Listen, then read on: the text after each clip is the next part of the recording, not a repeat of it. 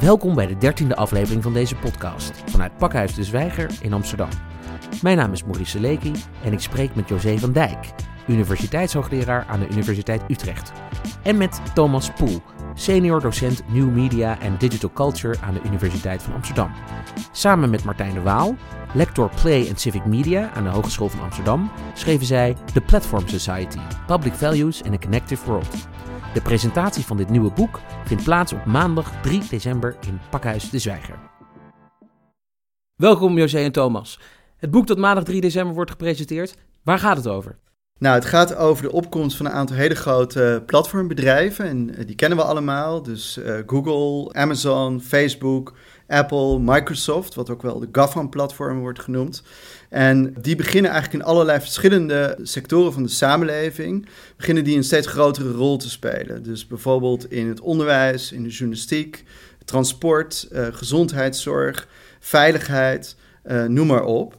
En wat wij in dit boek analyseren is wat er gebeurt met die sectoren op het moment dat die platformen zo'n grote rol gaan spelen. En wij laten zien dat er eigenlijk hele belangrijke verschuivingen plaatsvinden in marktrelaties. Want die platformen functioneren in wezen als markten, waarin ze verschillende partijen met elkaar verbinden. Een hele grote hoeveelheden eindgebruikers en allerlei andere uh, actoren. Dus bijvoorbeeld um, kranten, taxichauffeurs, publieke instellingen, huiseigenaren, noem maar op.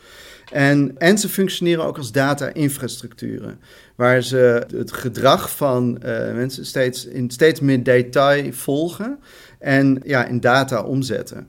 En dan terugspelen aan al die andere partijen die dus inderdaad via die platformen die gebruikers bereiken. Nou, de vraag is voor ons boek van wat gebeurt er dan met uh, een aantal van de publieke waarden die we heel belangrijk hebben gevonden in de organisatie van die Ehm, van die sectoren. Dus in, in de journalistiek, uh, in het onderwijs, in transport. Kun je concrete voorbeelden van die waarden noemen? Ja, dus bijvoorbeeld wat gebeurt er met journalistieke onafhankelijkheid? Dat is een heel concrete. Met de opkomst van die platform. Op het moment dat data bijvoorbeeld steeds een grotere rol gaat spelen in de selectie van uh, relevant nieuws. En ook in het circuleren van dat nieuws. En wat we zien in de analyse eigenlijk van die sector, is dat daarin de journalistieke onafhankelijkheid heel erg onder druk komt te staan. Dat er steeds meer ook afgegaan wordt op signalen die komen uit nou ja, gebruikersgedrag. Dus dat is, dat is een mooi voorbeeld daarvan. Of bijvoorbeeld gelijkheid, waarin we zien dat de opkomst van platformen als Uber um, in de transportsector nieuwe problemen oplevert rond bijvoorbeeld arbeidsverhoudingen, verzekeringen, pensioenen, dat soort vragen. Dus je ziet dat op een aantal verschillende vlakken zien we dat die hele nou kernwaarden die we in de samenleving altijd hebben proberen nou te stimuleren en die belangrijk zijn voor het functioneren van democratie onder druk komen te staan. En dan sluiten we uiteindelijk het boek af met de vraag: hoe kunnen we daar, hoe kunnen we die platform, die platformisering eigenlijk van de samenleving, hoe kunnen we dat gaan reguleren? Hoe kunnen we daar dat op zo'n manier organiseren dat die publieke waarden wel degelijk nog ook uh, gewaarborgd, ja, gewaarborgd blijven? Ja. Uh, José, jullie hebben in 2016 de platformsamenleving geschreven over vergelijkbare materie als dit boek. Wat is er sinds 2016 veranderd? Ja, er is een heleboel veranderd sinds 2016. Wij dachten, we gaan het uh, boek uit 2016 gewoon vertalen. Dus uitgegeven door Amsterdam University Press. Maar er was, gebeurde zoveel vanaf 2016, om maar een paar dingen te noemen. Kwamen datalekken. Uh, Cambridge Analytica is sindsdien uh, gebeurd. Het hele Facebook-schandaal, waar het gaat om het doorverkopen van data aan, in dit geval, uh, databedrijven die niet te vertrouwen waren. We hebben gezien hoe hate speech en het trollen van sociale media plaatsvond. Desinformatie en fake news was ook een heel groot onderwerp in het afgelopen jaar. We hebben zelfs gezien dat dit op sociale media met name interventie van derde partijen plaatsvond in de verkiezingen van de Verenigde Staten Propaganda werd een groot probleem. En dan heb ik het nog niet over de grote Europese boetes voor Google, die de afgelopen jaren zijn uh, geveld. Uh, twee keer kreeg uh, Alphabet Google een hele grote boete van commissaris van mededinging, Margrethe Vestager. En dat is nog niet het hele verhaal. We hebben, we hebben natuurlijk gezien dat er belastingontduiking plaatsvindt. En daar zijn met name Apple en Facebook op aangesproken. En ontduiking van de arbeidswetgeving. Dus Uber is daar met name op uh, aangesproken. In, bijvoorbeeld in Londen is hun licentie ingetrokken. Eigenlijk sinds we het vorige boek, het Nederlandse boek, hebben gepubliceerd, gebeurde er zoveel dat we een compleet nieuw boek moesten schrijven. En nou, misschien is dat wel interessant om te vertellen, maar de manier, toen we nog het Nederlandse boek schreven, hebben we dat eigenlijk allemaal nog keurig beschreven. Maar inmiddels zijn er zoveel, is er zoveel negatieve berichtgeving geweest over die bedrijven, dat we toch eigenlijk veel dieper moesten gaan graven in wat gebeurt daar nu eigenlijk. Thomas, online platformen, eh, ze veroveren steeds meer de wereld. Dat is voor iedereen evident. Veel mensen hebben in het begin in ieder geval de positieve kanten gezien op de samenleving. Maar jullie constateren ook negatieve ontwikkelingen.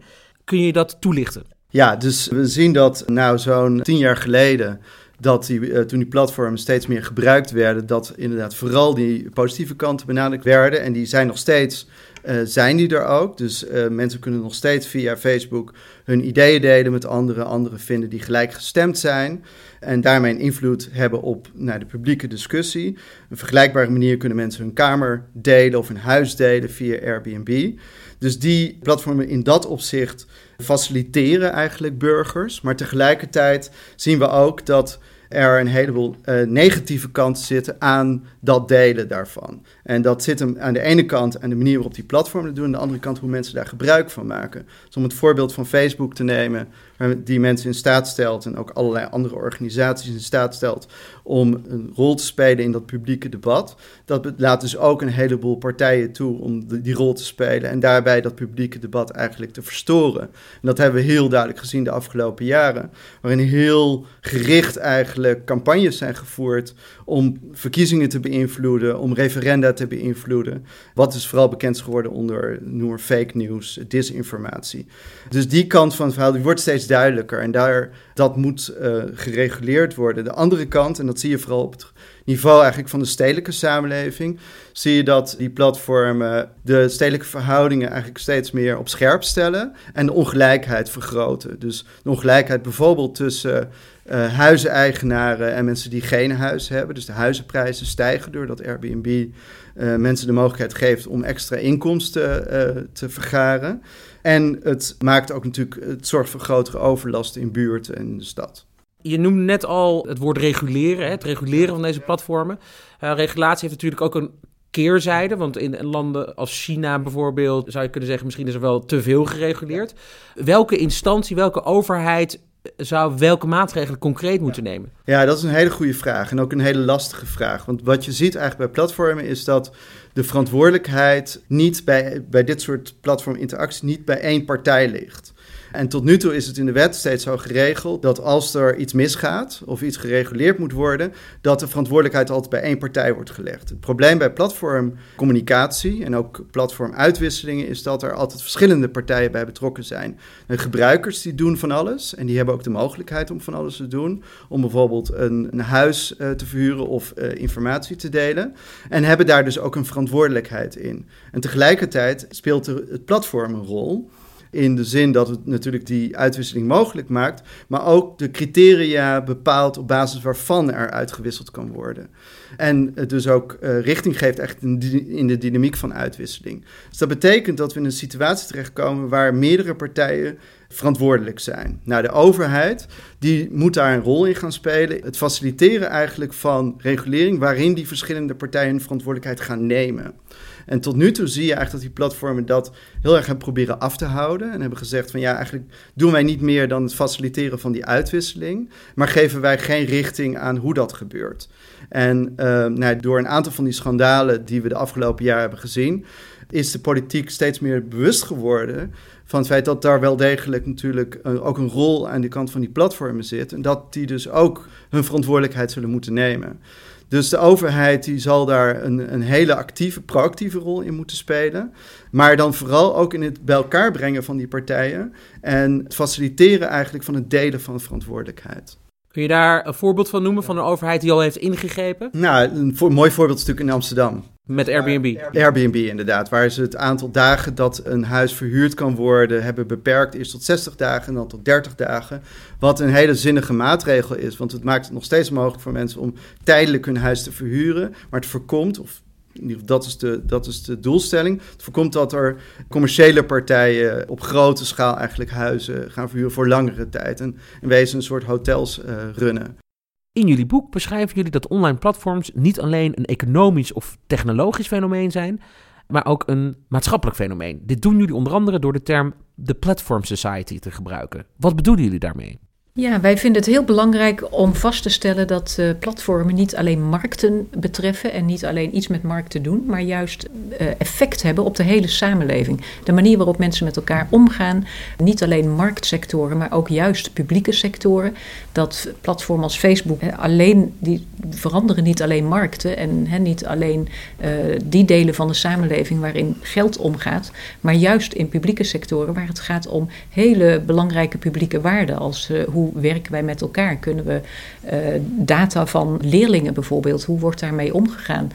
Kunnen we studenten tracken, hun gedragingen tracken via datastromen? We kwamen erachter dat juist in die publieke sectoren, daar is eigenlijk heel weinig belangstelling voor geweest. Wel hoe reageren markten op platformen, hoe worden ze daarin geïntegreerd, maar juist niet in die publieke sectoren. En daarom hebben wij het ook de platform samenleving genoemd, de platform society, om juist niet alleen nadruk te leggen op de marktwaarde van data. Wat is het grootste probleem wat jullie betreft, wat de platformen blootleggen? Nou, dat zit echt twee kanten aan. Hè? Aan de ene kant is het zo dat het een, een oplossing biedt voor een aantal maatschappelijke problemen, of in ieder geval claimt een oplossing te bieden voor een aantal maatschappelijke problemen de ene kant natuurlijk de beperkte invloed van burgers op allerlei maatschappelijke processen. Bijvoorbeeld publieke debatten. En waarin dus die platform de mogelijkheid geven aan die burgers om die invloed wel te hebben. Aan de andere kant uh, de inefficiëntie van bedrijven in de traditionele sectoren en publieke instituten. En ook daar claimen de platform eigenlijk een nieuwe efficiëntie te introduceren. Het probleem is alleen dat op het moment dat dat gebeurt, dat er niet zozeer alleen maar een kwestie is van de distributie van invloed zoals in eerste instantie geclaimd wordt, maar ook een enorme concentratie. Een concentratie aan economische macht. Dat die bedrijven enorm groot worden en enorme financiële slagkracht uh, ontwikkelen. En aan de andere kant een uh, centralisatie ook in de manier waarop dit soort uitwisselingen die plaatsvinden via die platformen. Uh, hoe die georganiseerd worden. Omdat die bedrijven natuurlijk die architectuur waarin die uitwisselingen plaatsvinden, zelf organiseren en ook constant aanpassen op basis van hun economische belangen.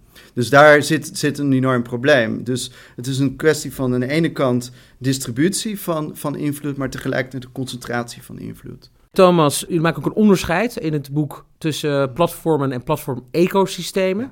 Wat is precies het verschil tussen die twee? Ja, nou je ziet dat in de publieke berichtgeving over platform. Dat zie je trouwens ook deels terug in het wetenschappelijke onderzoek daarnaar. Dat uh, die term platform op heel veel dingen wordt geplakt. En wat wij proberen te doen in het boek is wat exacter te zijn in hoe daarover gesproken wordt. Dus Amazon, Google, Apple worden platformen genoemd. Maar in wezen zijn het platformbedrijven die een heel aantal platformen beheren en ontwikkelen.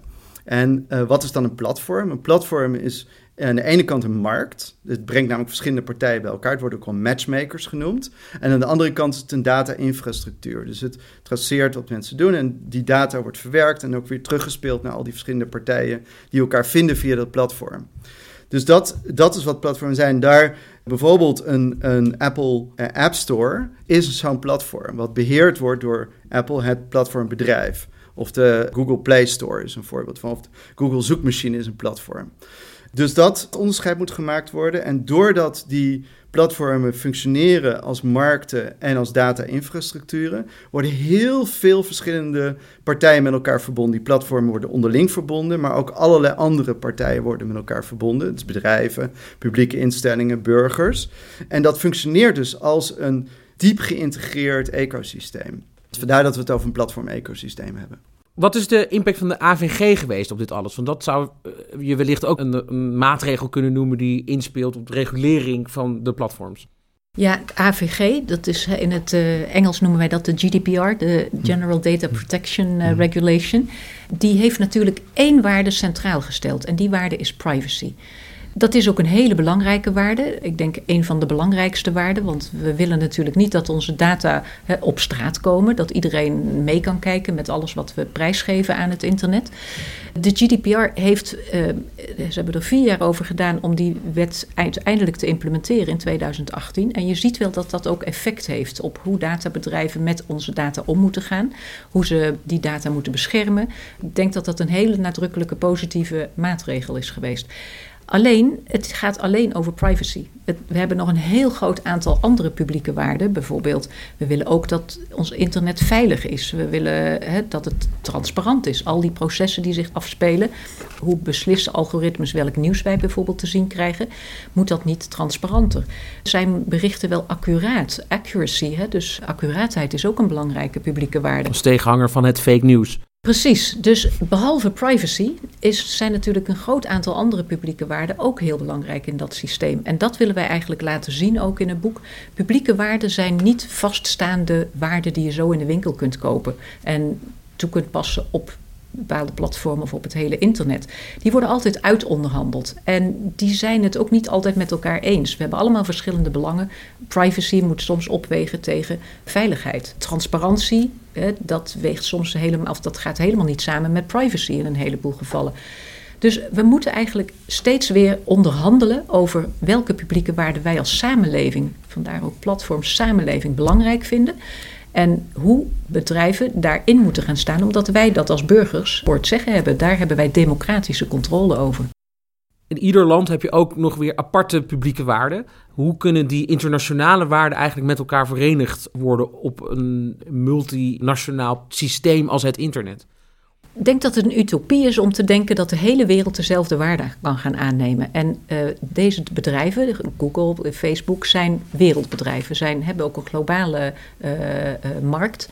Maar dat betekent niet dat zij één standaard kunnen opleggen aan publieke waarden aan elk van de landen waarin zij actief zijn. Uh, sterker nog, ik denk dat de onderhandeling over al die publieke waarden zich afspeelt op alle niveaus. Zowel de EU onderhandelt eigenlijk met deze grote bedrijven over, uh, in dit laatste geval privacy, waar ik het net over had. Maar ook op landelijk niveau wordt er onderhandeling gevoerd over publieke waarden. Willen wij wel dat er allerlei systemen worden ingevoerd waarover we geen controle hebben uh, over de algoritmes die zij gebruiken? Ook op gemeentelijk niveau wordt er onderhandeld. We hadden het net over Amsterdam en Airbnb. Op elk niveau en ook burgers zelf onderhandelen. Ik was laatst op een school waarbij een schooldirecteur eigenlijk zelf onderhandelt met mm. Google over uh, notabene de privacy van uh, de leerlingdata. Die, omdat ze uh, Google Apps for Education gebruiken, die ingebouwd zijn in de Google Chromebooks. ziekenhuizen doen dit continu. Dus wat we zien is dat de, er zitten waarden, publieke waarden, ingebouwd in de systemen die deze bedrijven eigenlijk marketen of eigenlijk in verschillende landen laten gebruiken. Maar elk van die landen heeft andere opvattingen over hoe ze die willen implementeren.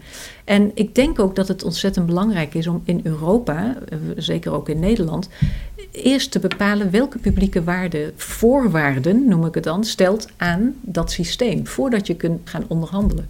Dus je moet heel veel duidelijkheid creëren, ook als overheid, over wat wel en niet kan. Kunnen wij bijvoorbeeld in een situatie als in een school, wat mag daar in termen van het vrijgeven van data? Mogen wij zomaar studenten tracken op hun gedrag? Mogen wij die data dan, uh, mag in dit geval bijvoorbeeld Google of Facebook die data doorverkopen? Of mogen zij die gebruiken zelfs maar om het te linken aan bijvoorbeeld data uit gezondheidssystemen? Dit soort vragen moet je allemaal stellen voordat je gaat onderhandelen met, uh, of voordat je eigenlijk systemen gaat adopteren. Tim Berners-Lee heeft natuurlijk in, in 1989 de World Wide Web geïntroduceerd. Dus het internet uh, bestaat zo'n 30 jaar. Uh, platforms als Google zijn wat jonger, maar desalniettemin bestaan ook al een tijdje. Zijn we niet te laat voor het reguleren van die platforms? Nou, dat is een moeilijke vraag, omdat het veel sneller is gegroeid dan we eigenlijk konden bijhouden met regulering. Regulering loopt altijd achter. Een GDPR heeft, AVG heeft vier jaar gekost voordat die geïmplementeerd werd. In vier jaar is het internet en is deze, zijn deze platformen gegroeid van, uh, nou, misschien wel vertienvoudigd. In het geval van Facebook is het werkelijk fenomenaal wat de groei en de ontwikkeling is geweest. Dat kan regulering eigenlijk niet bijhouden. Dus de snelheid waarmee deze technologie zich heeft ontwikkeld is uh, zo buiten, buitengewoon groot geweest dat we dat niet hebben kunnen bijhouden met de regulering. Nou, vandaar ook dat er weer een compleet nieuw boek uh, nodig is. Ja, inderdaad. inderdaad. inderdaad. Ja. Over dat boek gesproken, wie is eigenlijk de doelgroep van het boek? Zijn het studenten, docenten, CEO's? Wie moet het lezen? Ja, het, moet vooral natuurlijk gelezen worden door uh, studenten en, uh, en collega-onderzoekers. En liefst ook door mensen die zich in de praktijk bezighouden met die platformen. Dus in eigenlijk de sectoren waar we, waarover wij schrijven. Dus journalistiek, onderwijs, gezondheidszorg. Daar hebben we ook heel veel interesse uit die hoeken gehad. we hebben in de loop, want dit is een project waar we uiteindelijk um, zes jaar aan hebben gewerkt. En in die periode hebben we specifieke studies naar die verschillende gebieden gedaan. En ook uh, expert meetings gehouden met mensen uit die gebieden. Dus daar, uh, daar hebben we heel veel uitwisseling uh, mee gehad. En dat was heel waardevol. Dus we hopen zeker dat dat gelezen wordt. En tenslotte de overheid. Dus we hopen dat mensen die zich echt met beleid, beleidsmakers... dat die ook dit boek gaan oppakken en daarmee aan de slag gaan. Ja, ik wil nog wel even toevoegen. We hebben dus twee publieke sectoren onderzocht en twee private. Twee publieke waren onderwijs en gezondheidszorg. En de twee private sectoren waren uh, transport en uh, nieuws. En juist door te laten zien dat we zowel in publieke als in private sectoren eigenlijk hetzelfde aan de hand is. En ook hoezeer die datastromen zich met elkaar vermengen. Ik denk dat dat wel een eye-opener was voor ook veel beleidsmakers die zich dat eigenlijk nooit zo realiseerden. Nogmaals, het was altijd een verhaal over een markt. En een, verhaal over datastromen die vooral door markten geregeerd werden. En denk wat wij hebben willen doen, is vooral de platformsamenleving op de kaart zetten. Om te laten zien dat die publieke en private sectoren heel nadrukkelijk met elkaar verbonden worden door de technologische systemen van in dit geval Amerikaanse bedrijven. Ja, wat je in de wetenschappelijke onderzoek ziet, is dat tot nu toe dat onderzoek nog heel erg gescheiden is. Een wetenschappelijk gebied wat zich vooral bezighoudt met uh, economische processen, dus de ontwikkeling van markten. En daar wordt heel waardevol onderzoek gedaan, waar wij zelf uit voortkomen, dus platformstudies, software studies, maar vooral wordt gekeken naar de technologie. En uh, dan heb je ook nog een hele reeks onderzoekers die houden zich bezig met culturele veranderingen, sociale veranderingen. En wat wij willen eigenlijk laten zien in het boek is dat die verschillende processen die grijpen in elkaar in. Dus je kunt niet nadenken over economische veranderingen zonder ook naar de technologie te kijken en naar de culturele veranderingen die plaatsvinden. Uh, en omgekeerd. Kunnen jullie concrete voorbeelden noemen van die invloed van de platform? Ja.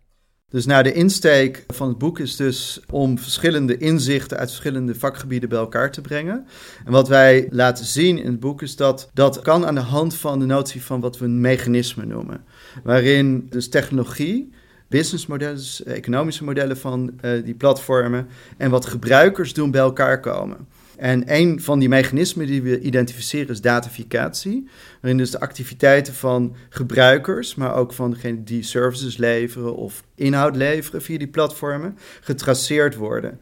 En nou, dat hebben we aan de hand van dat mechanisme hebben we bijvoorbeeld gekeken naar journalistiek. En daarin zien we dus dat, dat de journalistiek steeds meer wordt gestuurd ook door data, data van gebruikers. En dat kun je zien als een soort democratisering eigenlijk van, van de journalistiek. Zoals de correspondent bijvoorbeeld input van zijn eigen uh, lezers krijgt. Doe je dat? Dat is een interessant, uh, interessante vergelijking, omdat de correspondent heel bewust is eigenlijk van het probleem uh, van dergelijke processen van dataficatie, dus datagedreven nieuws, en heel bewust ervoor kiest om input te vragen aan gebruikers door middel van bijvoorbeeld een commentaar wat geleverd kan worden, een discussie die gevoerd kan worden. Terwijl hier gaat het veel meer over het traceren van kliks die, uh, die gebruikers hebben. Dus hoe lang lezen ze iets, hoe vaak delen ze het, hoe, hoe vaak liken ze het. En wat doet het goed dus bij de lezer. En het probleem daarbij is, is dat die platformen over het algemeen vooral het soort nieuws wat heel snel en heel veel gedeeld wordt, ook heel zichtbaar maken. Wat dus nou ja, in, eigenlijk op gespannen voet staat met hoe wij normaal over nieuws denken als de belangrijke gebeurtenissen die plaatsvinden in de wereld en die wij als burgers uh, uh, zouden moeten op de hoogte van zouden moeten zijn. En voorheen werden beslissingen daarover genomen door uh, journalisten die daarin getraind waren en dus een professioneel oordeel daarover uh, konden vellen. En daar is dus duidelijk een spanning mee met hoe platformen daar interveneren. Dus dit is eigenlijk de Netflixifisering van de, van de journalistiek? In wezen is dat de Netflixifisering van de journalistiek. Ja. Een andere uh, mechanisme wat we hebben geïdentificeerd, wat denk ik heel interessant is als je naar de journalistiek kijkt, is wat we commodificatie noemen. Dus de verandering eigenlijk in marktrelaties. En als je nou naar nieuwsorganisaties kijkt, nieuwsorganisaties historisch, die verdienden geld doordat ze lezers of kijkers konden verbinden met adverteerders. En de inhoud was dan datgene waarmee die verbinding gemaakt werd. En in dat opzicht functioneerden eigenlijk nieuwsbedrijven al, eigenlijk altijd als markten op zichzelf, onafhankelijke markten. En wat we zien met die opkomst van die platformen, is dat die verbindingen steeds meer via dat platform lopen. Dus gebruikers worden verbonden met de inhoud en met reclame via het platform. Wat dus het gevolg heeft dat die nieuwsorganisaties daarmee afhankelijk worden van die platformen. Ook wel in wetenschappelijke termen complementers worden van platformen. En dat heeft dus tot gevolg dat die nieuwsorganisaties steeds meer moeite hebben, en dat zie je heel duidelijk in de krantenwereld, uh, moeite hebben om uh, voldoende inkomsten binnen te halen. Dus de inkomsten komen enorm onder druk te staan. Heel veel kranten uh, gaan failliet. En, en, nu zie je dus langzamerhand ook in de televisiewereld dat er gekeken wordt naar nieuwe verdienmodellen. Om dus op een nieuwe manier eigenlijk uh, ja, media-inhoud te kunnen financieren. En die laatste initiatief van John de Mol is bijvoorbeeld een mooi voorbeeld daarvan. Waar hij eigenlijk kijkt naar, naar Amazon als voorbeeld of Bol. Als voorbeeld van hoe kunnen we dat op een andere manier gaan organiseren. Wat voor eh, ontwikkelingen voorzie jij in het Nederlandse medialandschap uh, binnen de komende vijf jaar? Dat is een moeilijke vraag. Nou als je, als je afgaat op de mol, die, die zegt dus van ja, we kunnen niet meer uh, op, op de traditionele manier media produceren. Ze kunnen niet meer afhankelijk zijn van reclame, want reclame wordt steeds meer eigenlijk gedomineerd door de grote platformen die ook de grote aantal gebruikers hebben. Dus we moeten zelf een platform worden. En dat betekent dus dat wij zowel media moeten produceren en daarmee natuurlijk uh, gebruikers bereiken, kijkers, lezers bereiken. Maar tegelijkertijd moeten we ook ons op allerlei andere terreinen gaan begeven waar geld verdiend kan worden. Dus bijvoorbeeld retail. Dus we moeten ook uh, producten gaan verkopen. Want dat, als je die dingen met elkaar gaat verbinden, dan kan er ook echt geld verdiend worden. José, jullie beschrijven in jullie boek dat de platform-ecosystemen, waar we het eerder over hadden, heel sterk zijn verbonden met politieke ideologieën, waar jullie er twee van identificeren. Welke zijn dat? Dat zijn wat we noemen de geopolitieke twee ecosystemen. De ene is het Amerikaanse platform, dat hebben we net al genoemd. Hè, de Google, Apple, Facebook, Amazon en Microsoft. En aan de andere kant staat dat het Chinese uh, systeem. En dat wordt gedomineerd door met name drie grote bedrijven. Dat is Baidu, Alibaba en Tencent die zijn eigenlijk gebaseerd op hele verschillende premissen. Ideologische premissen, want waar we zien dat in het Amerikaanse systeem, ecosysteem, de corporaties, de, de grote bedrijven het voor het zeggen hebben. En ook alle data zijn in feite eigendom van deze bedrijven. Dan zien we bij het Chinese ecosysteem dat data eigenlijk eigendom zijn van de staat. Dus we zien eigenlijk een soort gespiegeld ecosysteem. Aan de ene kant zijn bedrijven voeren, voeren de controle over de datastromen. Aan de andere kant is de staat uh, voert, voert, de controle over de data die de bedrijven, de platformen die de bedrijven weer uitvoeren. Europa zit er eigenlijk tussenin. En dat is heel moeilijk en heel, vooral bijzonder, omdat Europa heel weinig infrastructuur bezit geen van die grote platformen die de infrastructuur eigenlijk, waarvan we voor onze infrastructuur digitaal afhankelijk zijn, komt uit Europa. 15% van de hoofdkwartieren van corporaties in de wereld, over digitale bedrijven heb ik het dan, uh, bevindt zich in Europa. Dus al die anderen bevinden zich in Amerika en in China. En daarmee laten we eigenlijk zien, we zijn enorm afhankelijk geworden van een digitale infrastructuur die niet alleen in Amerikaanse handen is, maar ook geschoeid is op een uh, geopolitieke uh, premisse van dat systeem. En daar kunnen we, dan kunnen we twee dingen doen. We kunnen dat volledig accepteren en ons daarnaar voegen wat we tot op grote hoogte ook gedaan hebben. Of we kunnen zeggen, hé, hey, dit doen we niet, want wij hebben andere publieke waarden in Europa. Die nemen we als uitgangspunt voor het, ja, dan moeten jullie je maar aanpassen met dat systeem en onze publieke waarden. Het geval van privacy en de, de, de GDPR, is, de AVG is daar een goed voorbeeld van. We hebben dus eigenlijk gezegd, luister, jullie mogen hier zaken doen in Europa, maar wel op onze voorwaarden wat betreft die privacy uitgangspunten. Hebben jullie ook een verklaring? Want het is een hele interessant, hele interessant inzicht dat jullie hier verschaffen. Dus dat er maar heel weinig uh, Europese digitale multinationals in feite uh, zijn. We hebben wel hoofdkantoren van die clubs, maar dat, dat zijn dus oorspronkelijk dus Amerikaanse of Chinese bedrijven. Hebben jullie ook een verklaring waarom het aantal zo laag is in Europa? Ja, nou, daar kun je denk ik een heleboel, vooral ook economische verklaringen voor geven. Ik denk ja, je kunt in het verleden gaan zoeken en kijken wat, hoe is het zo gekomen. Ik denk dat het belangrijker is om nu uh, in het nu te gaan staan en te zeggen: wat gaan we daaraan doen? Want als je geen eigenaar bent van uh, die grote infrastructurele platforms, dan moet je wel heel goed beseffen welke, of je in staat bent om er condities aan op te leggen. Ik denk dat het ook is natuurlijk. Het is, de groei is A heel snel gegaan. En is, daarom is hè, Europa daar misschien wel niet snel genoeg op ingesprongen. Amerika heeft natuurlijk het voordeel van het taalgebied. Hè, dat is heel belangrijk erin geweest en dat is bij China ook het geval. China heeft uiteraard nog het voordeel van het zijn van een heel gesloten uh, systeem met enorm veel gebruikers. Hè. Dus China, China, heeft zelf al een markt van uh, meer dan, is, mensen. Meer dan 1,2 miljard mensen. En Amerika, het Amerikaanse systeem, heeft zich zo snel uit kunnen breiden, omdat natuurlijk Engels de wereldtaal is. Onder andere hoor. Maar ik denk ook dat het een kwestie is van geopolitieke en met name assertieve, zo niet agressieve, economische politiek.